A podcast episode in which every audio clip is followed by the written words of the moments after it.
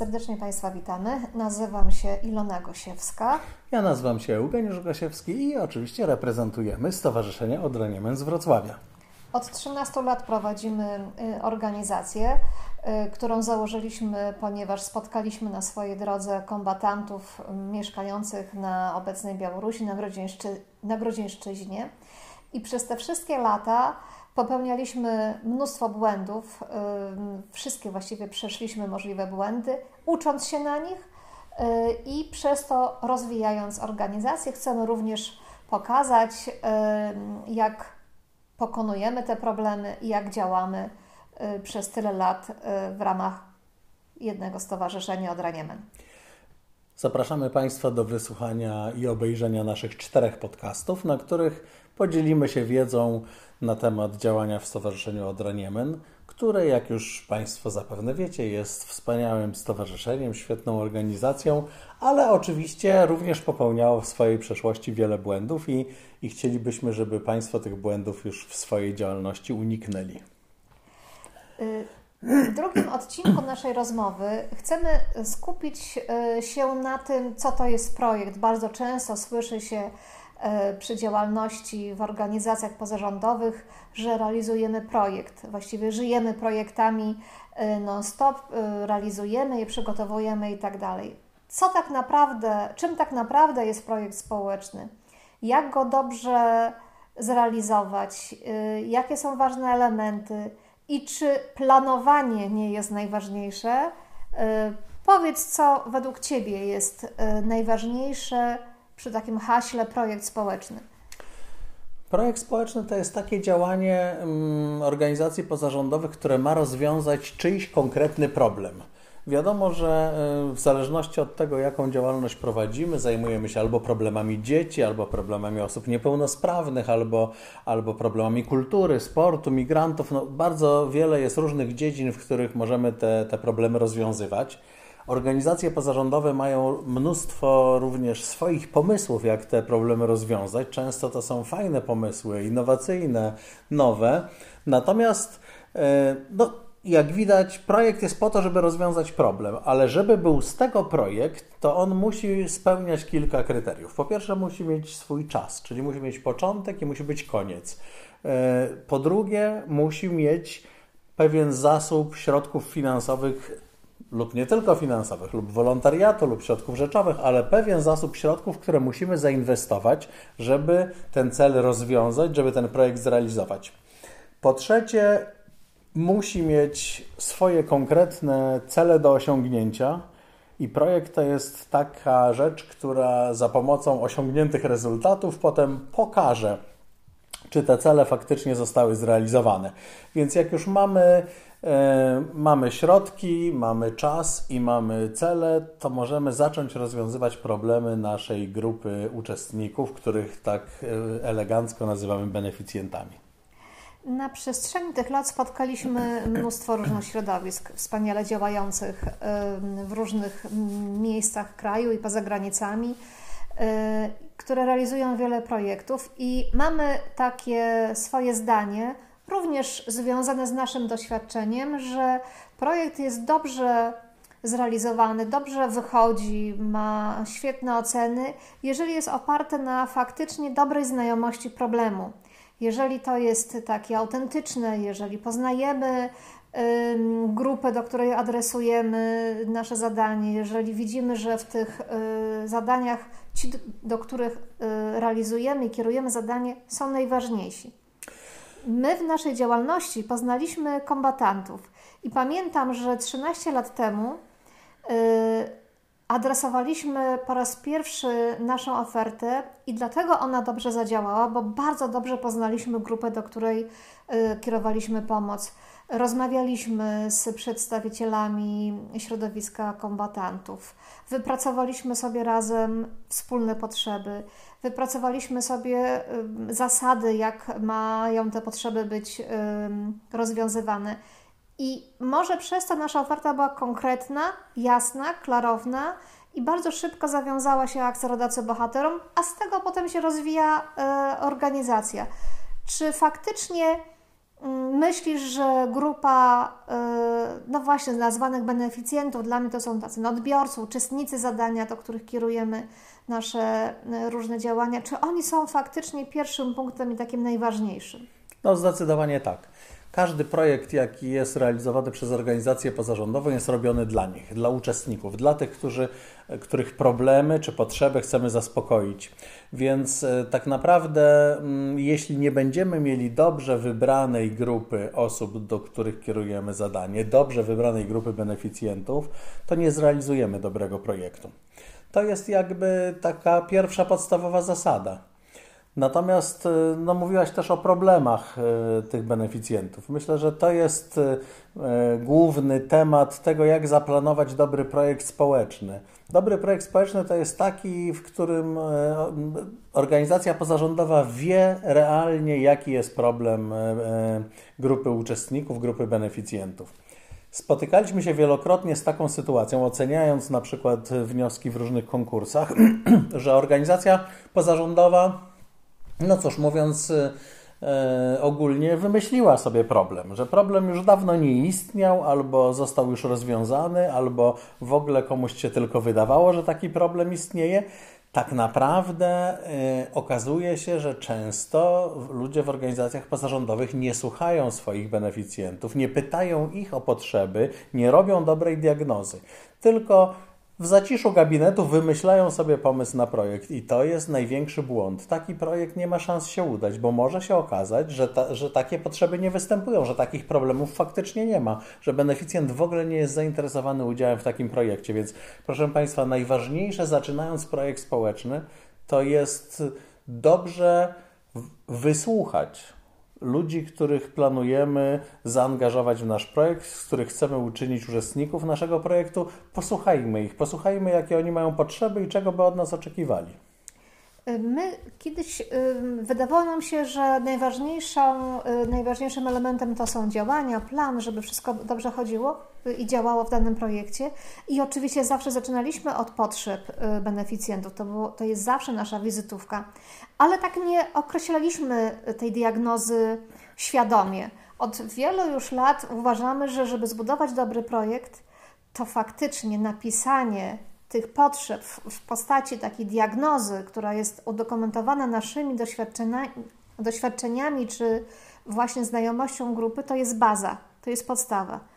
Y, co się mieści w potrzebach, w tej diagnozie potrzeb? Y, jakie mogą być y, Jakie to mogą być potrzeby? potrzeby? One mogą być bardzo, bardzo różne. To mogą być potrzeby zdrowotne. My opiekujemy się seniorami i popatrz, jak wiele nasi seniorzy, kombatanci mają potrzeb. Mają potrzeby zdrowotne, wozimy ich do sanatoriów. Mają potrzeby kontaktów międzyludzkich, organizujemy dla nich spotkania. Mają potrzeby kulturalne, czasami chcą po prostu wysłuchać dobrego koncertu, który trzeba dla nich zorganizować. Mają potrzeby związane z pracą organizacji swoich kombatanckich. Porządkujemy im dokumenty. Mają potrzeby zwykłe, domowe, czasami trzeba im wyrzucić śmieci, a czasami potrzebują słuchacza do rozmowy, więc jedna grupa uczestników czy beneficjentów może mieć ogromną ilość różnych potrzeb. Musimy tylko dobrze ich posłuchać, dobrze ocenić, jakie te potrzeby są i fajnie zaplanować pomysł na ich rozwiązanie.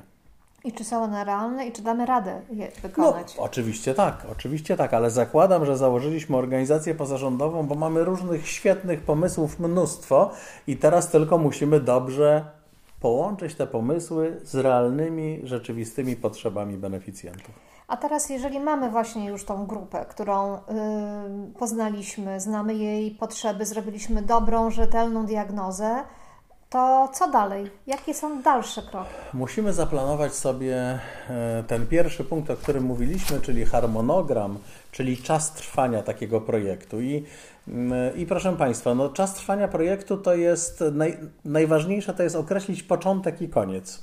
Podam taki przykład. Planujemy szkolenie. Szkolenie ma trwać dwa dni, powiedzmy 10-11 marca. Jeżeli zaplanujemy zatem projekt, który zacznie się 9 marca, a skończy 12, wydawałoby się, że jest to wystarczający czas, ponieważ wśród w tych czterech dniach dwa dni prowadzimy szkolenie, dzień przed je przygotowujemy, dzień po kończymy projekt i tyle. To jest nieprawda. Zacznijmy od końca Szkolenie trwało dwa dni, ale co będzie, jeśli fakturę za salę otrzymamy tydzień później? Z datą już po szkoleniu. No cóż, będzie niekwalifikowalna, nie będziemy mogli jej zapłacić na przykład z otrzymanej dotacji, dlatego że kwalifikowalne są tylko te wydatki, których data faktury jest zgodna z czasem trwania projektu. A więc, proszę Państwa, jeżeli mamy szkolenie 10 i 11 marca, to zacznijmy je od 1 lutego. No bo przecież w jeden dzień nie jesteśmy w stanie znaleźć sali, wydrukować albo powielić materiałów szkoleniowych, zaprosić wykładowców, zamówić cateringu. My musimy mieć czas 3-4 tygodni na to, żeby to przygotować. A później po szkoleniu będziemy pewnie przynajmniej tydzień czekać, aż spłyną się wszystkie faktury, rachunki do nas. Musimy je zapłacić. To również jest wymóg, żeby zapłacić je w czasie trwania projektu, więc czas rozpoczęcia i zakończenia projektu jest najważniejszy, bo on często może decydować o tym, e, czy projekt się udał, czy nie. A jeżeli chodzi właśnie e, o inne elementy związane z takim czasem trwania mm, zadania, bo podałeś taki bardzo prosty przykład szkoleń i tak dalej, ale są też bardzo rozbudowane elementy różnych projektów. Nawet jak to jest taki prosty projekt szkoleniowy, to, to już byśmy zaplanowali sobie trzy etapy: przygotowanie szkolenia, przeprowadzenie szkolenia, a potem podsumowanie i rozliczenie tego szkolenia. To już by były trzy etapy zajęć, z których każdy potrzebuje swojego czasu. Natomiast oczywiście, no, nawet projekt szkoleniowy przeważnie to nie jest jedno szkolenie. Projekt szkoleniowy to jest często tak przygotowanie, potem pierwsza sesja szkoleń, potem przygotowanie do drugiej sesji szkoleń, potem druga sesja szkoleń, potem krótki czas odpoczynku i na przykład wizyty studyjne, potem gala zakończenia z wręczeniem dyplomu, więc tych elementów i etapów w każdym projekcie może być bardzo wiele. I proszę Państwa, no Oceniając wnioski, często patrzymy na te harmonogramy. Cały projekt trwa od 1 stycznia do 31 grudnia i każdy z etapów opisany w harmonogramie również jest zaznaczony od 1 stycznia do 31 grudnia. Prawdę mówiąc, nie jest to harmonogram. Harmonogram ze swojej definicji powinien układać nam etapy w czasie, pokazywać, co jest wcześniejsze, co jest późniejsze, jaka będzie kolejność tych działań. Przecież doskonale wiemy, że gali zakończenia nie zorganizujemy od 1 stycznia, bo, bo trzeba zrealizować najpierw wszystkie szkolenia, żeby przejść do gali zakończenia, więc każdy z etapów musimy sobie konkretnie zaplanować. Czyli I każde działanie ma swój określony czas trwania. Jak najbardziej. I proszę Państwa, ja wiem, że to nie jest łatwe zaplanować już dzisiaj to, co się będzie działo w przyszłym roku, ale powiedzmy sobie szczerze, Potem możemy przecież wprowadzić zmiany, natomiast musimy mieć plan. Musimy mieć plan realny, dobry, tak jak nam się na dzisiaj wydaje, że będziemy to realizować, to tak musimy to sobie zaplanować i zapisać w naszym projekcie. Mamy właściwie już część projektu, bo mamy grupę, mamy diagnozę, zrobiliśmy plan działań, harmonogram y, tych działań, czyli czas trwania określonych czynności. Y, I pojawia się y, pytanie, jak to zrealizować, y, skąd wziąć na to fundusze i tak dalej. W naszym środowisku mm, bardzo tego pielęgnujemy, żeby wiele rzeczy robić bezkosztowo, to znaczy, żeby włączać pracę społeczną, wolontariuszy, co możemy, co się udaje y, zrealizować wolontaryjnie, to organizujemy. Ale łatwo jest bezkosztowo zorganizować małe zadanie, małą, małą aktywność. Jeżeli się ona rozwija, pojawiają się prędzej czy później koszty. W przypadku Odry Niemen mamy taki duży projekt Rodacy Bohaterom, o którym często wspominamy. To jest w pełni y, akcja charytatywna, społeczna. Nikt z nas nie pobiera żadnych wynagrodzeń. Wszyscy pracujemy jako wolontariusze, ale ponieważ skala tego zadania jest olbrzymia, gdyż y, zbieramy prawie 60 ton darów, musimy zakupić kartony, musimy mieć y, paliwo do samochodów, które te dary przewożą, musimy zawieźć wolontariuszy do e, Polaków, którzy mieszkają poza granicami kraju, bo tam przewozimy znaczną część tych darów i już się robią koszty. Dochodzimy do takiego momentu projektu, że pojawia się sytuacja, jak to sfinansować, albo inaczej może na tym etapie, jak dobrze napisać budżet, żeby z niego y, można było y, pokazać darczyńcom potencjalnym, że ten budżet jest ekonomiczny, rozsądny, racjonalny, Tak, oczywiście. No jak to sfinansować, to jest pewnie poważniejszy problem i pewnie zrobimy o tym osobny podcast.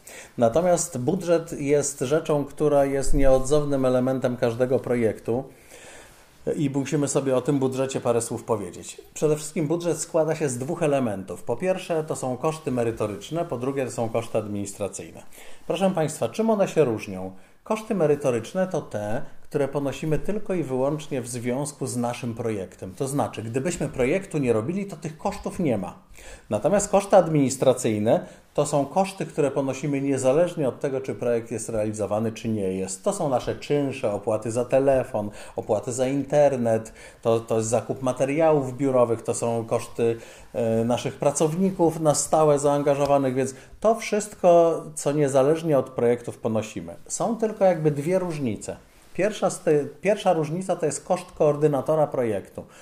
Przyjęło się yy, i tak zawsze powinno być, że koordynator projektu to koszt administracyjny. Mimo tego, że gdyby nie było projektu, to przecież nie byłoby koordynatora. Mimo wszystko jednak zarządzanie projektem jest kosztem administracyjnym, więc koordynatora liczymy do tych kosztów. Podobnie jest z księgowością. No, z księgowością oczywiście sytuacja jest bardziej złożona, bo jeśli płacimy stałe pieniądze księgowemu co miesiąc, to niezależnie od tego, czy projekt jest, czy nie, to i tak te pieniądze wydamy. Natomiast jeśli się rozliczamy za projekty, to już oczywiście, gdyby projektu nie było, pieniędzy byśmy nie wydawali. Mimo wszystko jednak koszty księgowe to również koszty administracyjne. I taki jest pierwszy zasadniczy podział. Proszę również pamiętać, że koszty administracyjne to niestety w projektach dotacyjnych jest bardzo niewielka część. To jest przeważnie 10-15% więc no, z jednej strony organizacje starają się realizować więcej niż jeden projekt, żeby trochę uzbierać na te wszystkie swoje koszty administracyjne. Z drugiej strony również organizacje starają się znaleźć takie źródła finansowania, które już pozaprojektowo zapewnią im pokrycie tych wydatków na koszty administracyjne. Druga rzecz, jeśli chodzi o kwestię kosztorysu, to oczywiście e, koszty własne i koszty, które otrzymaliśmy z dotacji czy z darowizny. Pamiętajmy, że koszty własne to wcale nie muszą być e, nasze pieniądze. Nawet jeżeli to jest koszt własny finansowy, to e, w Polsce e, tak działa prawo, że własny koszt finansowy to mogą być pieniądze z innej dotacji. Nie od tego samego darczyńcy, tylko od innego. Natomiast to nie muszą być pieniądze, które my wypracowaliśmy czy oddajemy z naszej pensji. My możemy sobie znaleźć inną darowiznę czy innego dotacjodawcę, który nas wesprze tutaj, da nam pieniądze i na pokrycie te, tego udziału własnego. Ale to, co jest najważniejsze, to w ogóle nie muszą być pieniądze. No właśnie, bo oprócz wkładu finansowego, yy, czasami yy, organizacje, które realizują świetne projekty, nie pamiętają o tym albo nie mają wiedzy, jak mają wielką wartość w swojej grupie, ponieważ wkład osobowy mm, wolontariuszy czy wkład rzeczowy również można wycenić i pokazać go w budżecie, że mamy również, nawet jeżeli nie jest on wymagany, to można się nim pochwalić, że mamy konkretną wartość, którą przeliczamy również na finanse. Jak to zrobić? To jest oczywiście kwestia doświadczenia. My już działamy tyle lat, że w każdym projekcie zauważymy mnóstwo działań, które robimy albo my, albo ktoś z naszych przyjaciół robi wolontaryjnie.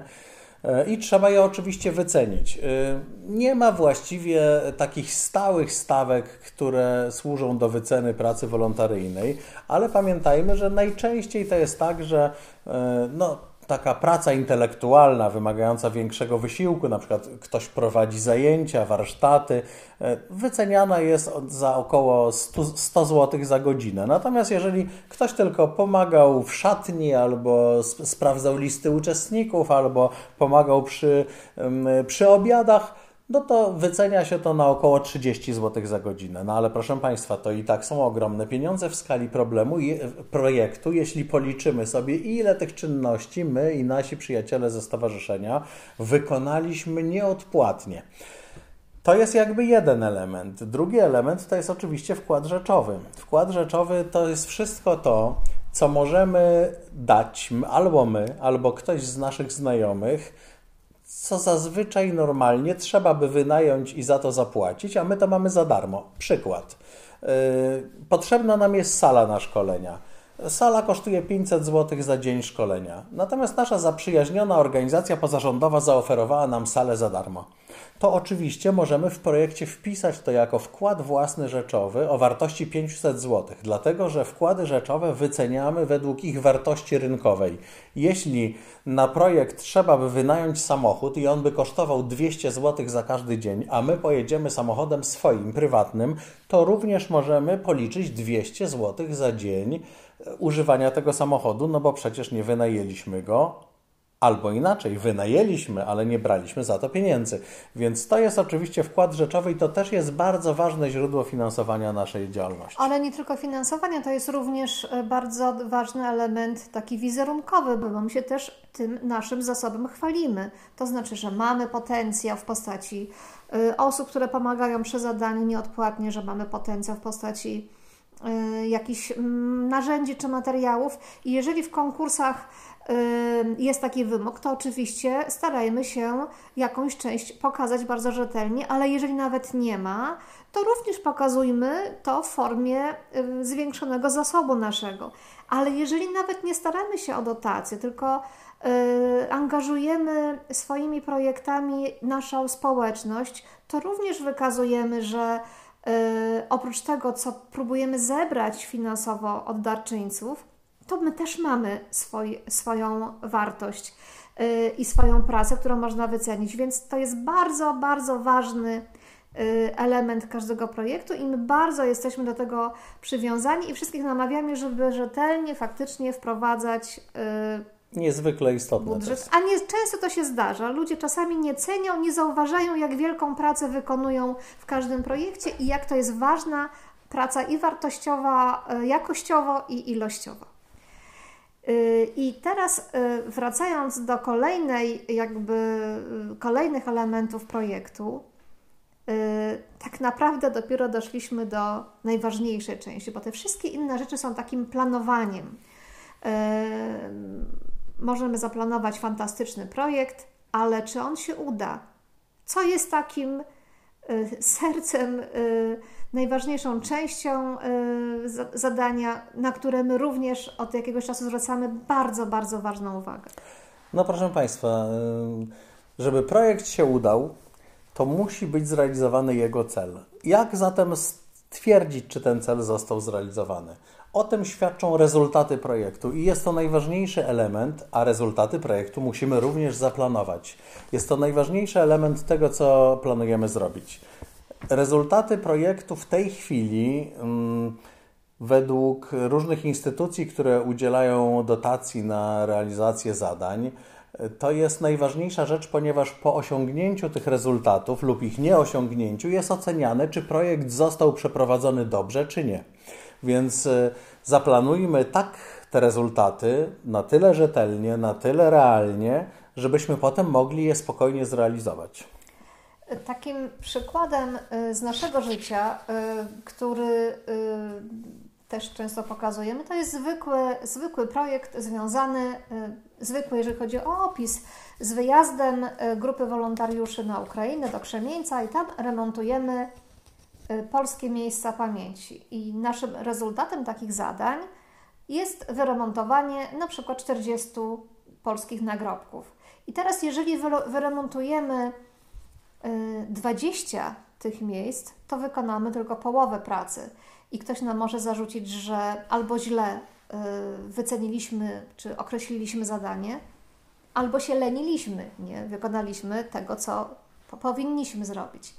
Jeżeli wykonamy 100%, a czasami i więcej, tak się też zdarza w naszych sytuacjach, to nie dość, że dobrze rozliczymy zadanie, to jeszcze mamy y, uwiarygodnienie tego, co robimy.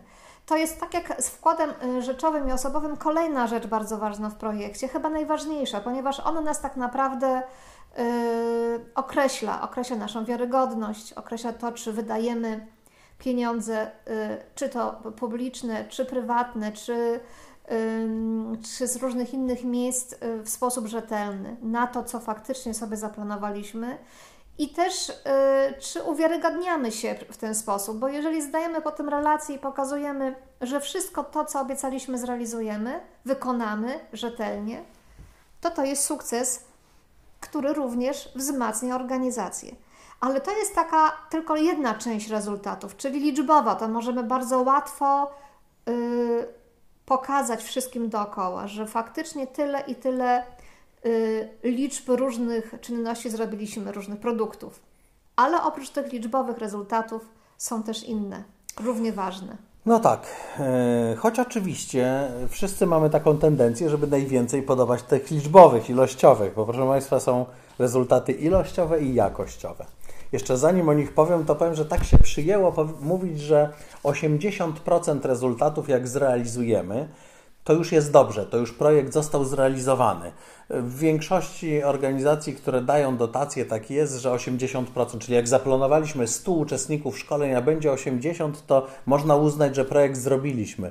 Ale jak będzie 60, to nie zrobiliśmy. To wtedy być może każą nam oddawać część pieniędzy, a może i wszystkie, więc to jest taki ważny element. Natomiast wróćmy do tych ilościowych i jakościowych. Ilościowe, jak już mówiła Ilona, wszystkie te, które możemy łatwo policzyć na palcach czy na kalkulatorze. 100 uczestników szkoleń, 4 warsztaty, dwóch wykładowców, pięć obiadów, trzy wycieczki, dwa autokary, wszystko to, co możemy podać w liczbach. To jest bardzo łatwo potem udokumentować. Mamy mnóstwo dokumentów, mamy zdjęcia, mamy listy uczestników, y, więc łatwo wykazać. Natomiast, proszę Państwa, no żeby pokazać, że projekt był dobry, to najważniejsze są rezultaty jakościowe. Co to są te rezultaty jakościowe? To jest na przykład odpowiedź na pytanie, czy uczestnicy projektu mają większą wiedzę. Załóżmy, robimy kurs językowy.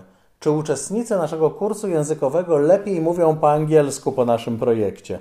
To nie, łatwo nie jest sprawdzić. Nie jest łatwo udokumentować, że 90% uczestników mówi lepiej. No ale oczywiście można próbować to zrobić. I mm, żeby dobrze rozliczyć projekt, to trzeba zaplanować przynajmniej jeden porządny, sensowny, jakościowy rezultat. Jak zbadać, czy oni mówią lepiej po angielsku? No trzeba by zrobić im test na początku szkolenia, zobaczyć jak oni po angielsku mówili, zanim jeszcze przystąpili do naszych warsztatów, a potem zrobić im drugi test na koniec szkolenia i zobaczyć, o ile wzrosła ta ich umiejętność mówienia po tych naszych zajęciach. To da się zrobić. W każdym przypadku da się zrobić. Oczywiście kosztuje nas to trochę czasu i wysiłku, no ale taka jest nasza rola przy organizacji projektów, żeby szukać możliwości sprawdzenia, że nasz projekt był dobry, że zrealizował swój cel, a najlepszym i jedynym właściwie elementem sprawdzenia tego jest osiągnięcie rezultatów. Czyli wracając do naszego krzemieńca, e, nie tylko liczy się, co jest oczywiście bardzo ważne, że wyremontujemy te 40 polskich miejsc pamięci, ale również ile wiedzy i jaką zdobędą wolontariusze, którzy przy tej pracy spędzają czas, bo trzeba pamiętać, że to jest nie tylko czynność mechaniczna, ale również uczymy tą grupę historii tych miejsc, e, uczymy e, danych nagrobków, kto, kto jest z, ze znanych Polaków tam leżący i tak dalej, i tak dalej. I też to możemy bardzo łatwo sprawdzić, bo często mamy, zadajemy pytanie na początku projektu, co wiecie o tym miejscu, czy jesteście pierwszy raz na Ukrainie czy znacie to miejsce. Czy, i, I można takimi pytaniami sobie skonstruować bardzo prostą ankietę, wywiad, rozmowy. To mogą być różne bardzo metody, które y, też właściwie wychodzą w trakcie y, prowadzenia projektu, bo każdy projekt ma swoje, swój rodzaj, swój charakter. Tak, to prawda. W Krzemieńcu, nie wiem czy Państwo wiecie, mieszkała matka Juliusza Słowackiego. Nasz wielki wieszcz urodził się w Krzemieńcu e, i też być może mało z Was o tym wiedziało, ale już teraz po naszym podcaście taka wiedza będzie bardziej powszechna. Nasi wszyscy wolontariusze o tym wiedzą, byliśmy nawet na grobie matki Juliusza Słowackiego. Tam w Krzemieńcu jest również muzeum naszego wielkiego wieszcza, więc to są takie rzeczy, które w bardzo łatwy sposób da się przenieść do głów naszych wszystkich młodych przyjaciół, którzy pojechali tam z nami jako wolontariusze. Podsumowując y, o, o, rezultatach, co byś powiedział y, na koniec y, tej, tej rozmowy? No zdecydowanie najważniejszy aspekt. Proszę Państwa, planujemy harmonogramy, planujemy kosztorysy, ale projekt realizujemy po to, żeby zrealizować rezultaty. Jeżeli osiągniemy rezultaty, one są dobrze zaplanowane, a dobrze zaplanowane to również dobrze określone są źródła, na podstawie których możemy zmonitorować, czy faktycznie osiągnęliśmy planowany poziom tych rezultatów, to projekt jest dobrze zrealizowany. To jest bardzo proste. Są rezultaty, jest projekt. Nie ma rezultatów, nie ma projektu. To najważniejsza rzecz, jaką należy zapamiętać, mówiąc o projektach społecznych. Robimy je dla osiągnięcia celu, czyli dla realizacji rezultatów. Ja myślę sobie, że e, w takim moim odczuciu to właśnie ta diagnoza, czyli potrzeby, które potem się przenoszą na rezultaty, dają nam pełen obraz e, tak naprawdę każdego projektu i warto sobie na początek właśnie takie najważniejsze rzeczy w tym obszarze poukładać w gronie zespołu, przy wspólnej pracy zespołowej, burzu mózgów i innych aktywności. Proszę Państwa, kończymy drugą część rozmowy o y, projekcie społecznym. Więcej informacji znaleźć można na naszych stronach www.odraniemen.org. Jest tam y, szeroka oferta wsparcia i dla organizacji pozarządowych, i dla wolontariuszy.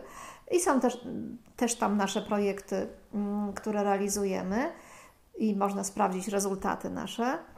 Y, chcemy również powiedzieć, że y, siedziba główna Stowarzyszenia mieści się we Wrocławiu przy ulicy Zelwerowicza 16, gdzie Państwa zapraszamy, organizacje zapraszamy, wolontariuszy. Tutaj można wiele rzeczy y, się dowiedzieć, ale też i skorzystać. Ale również w całej Polsce mamy oddziały Stowarzyszenia Draniemen działające w Wielkopolsce, na Opolszczyźnie, w Małopolsce, na Podkarpaciu, na Lubelszczyźnie, na Mazowszu, na Podlasiu, a także mamy pięknie prowadzony przez Polaków oddział w Lwowie, więc y, można nas znaleźć. Mm, zapraszamy do współpracy. Zapraszamy.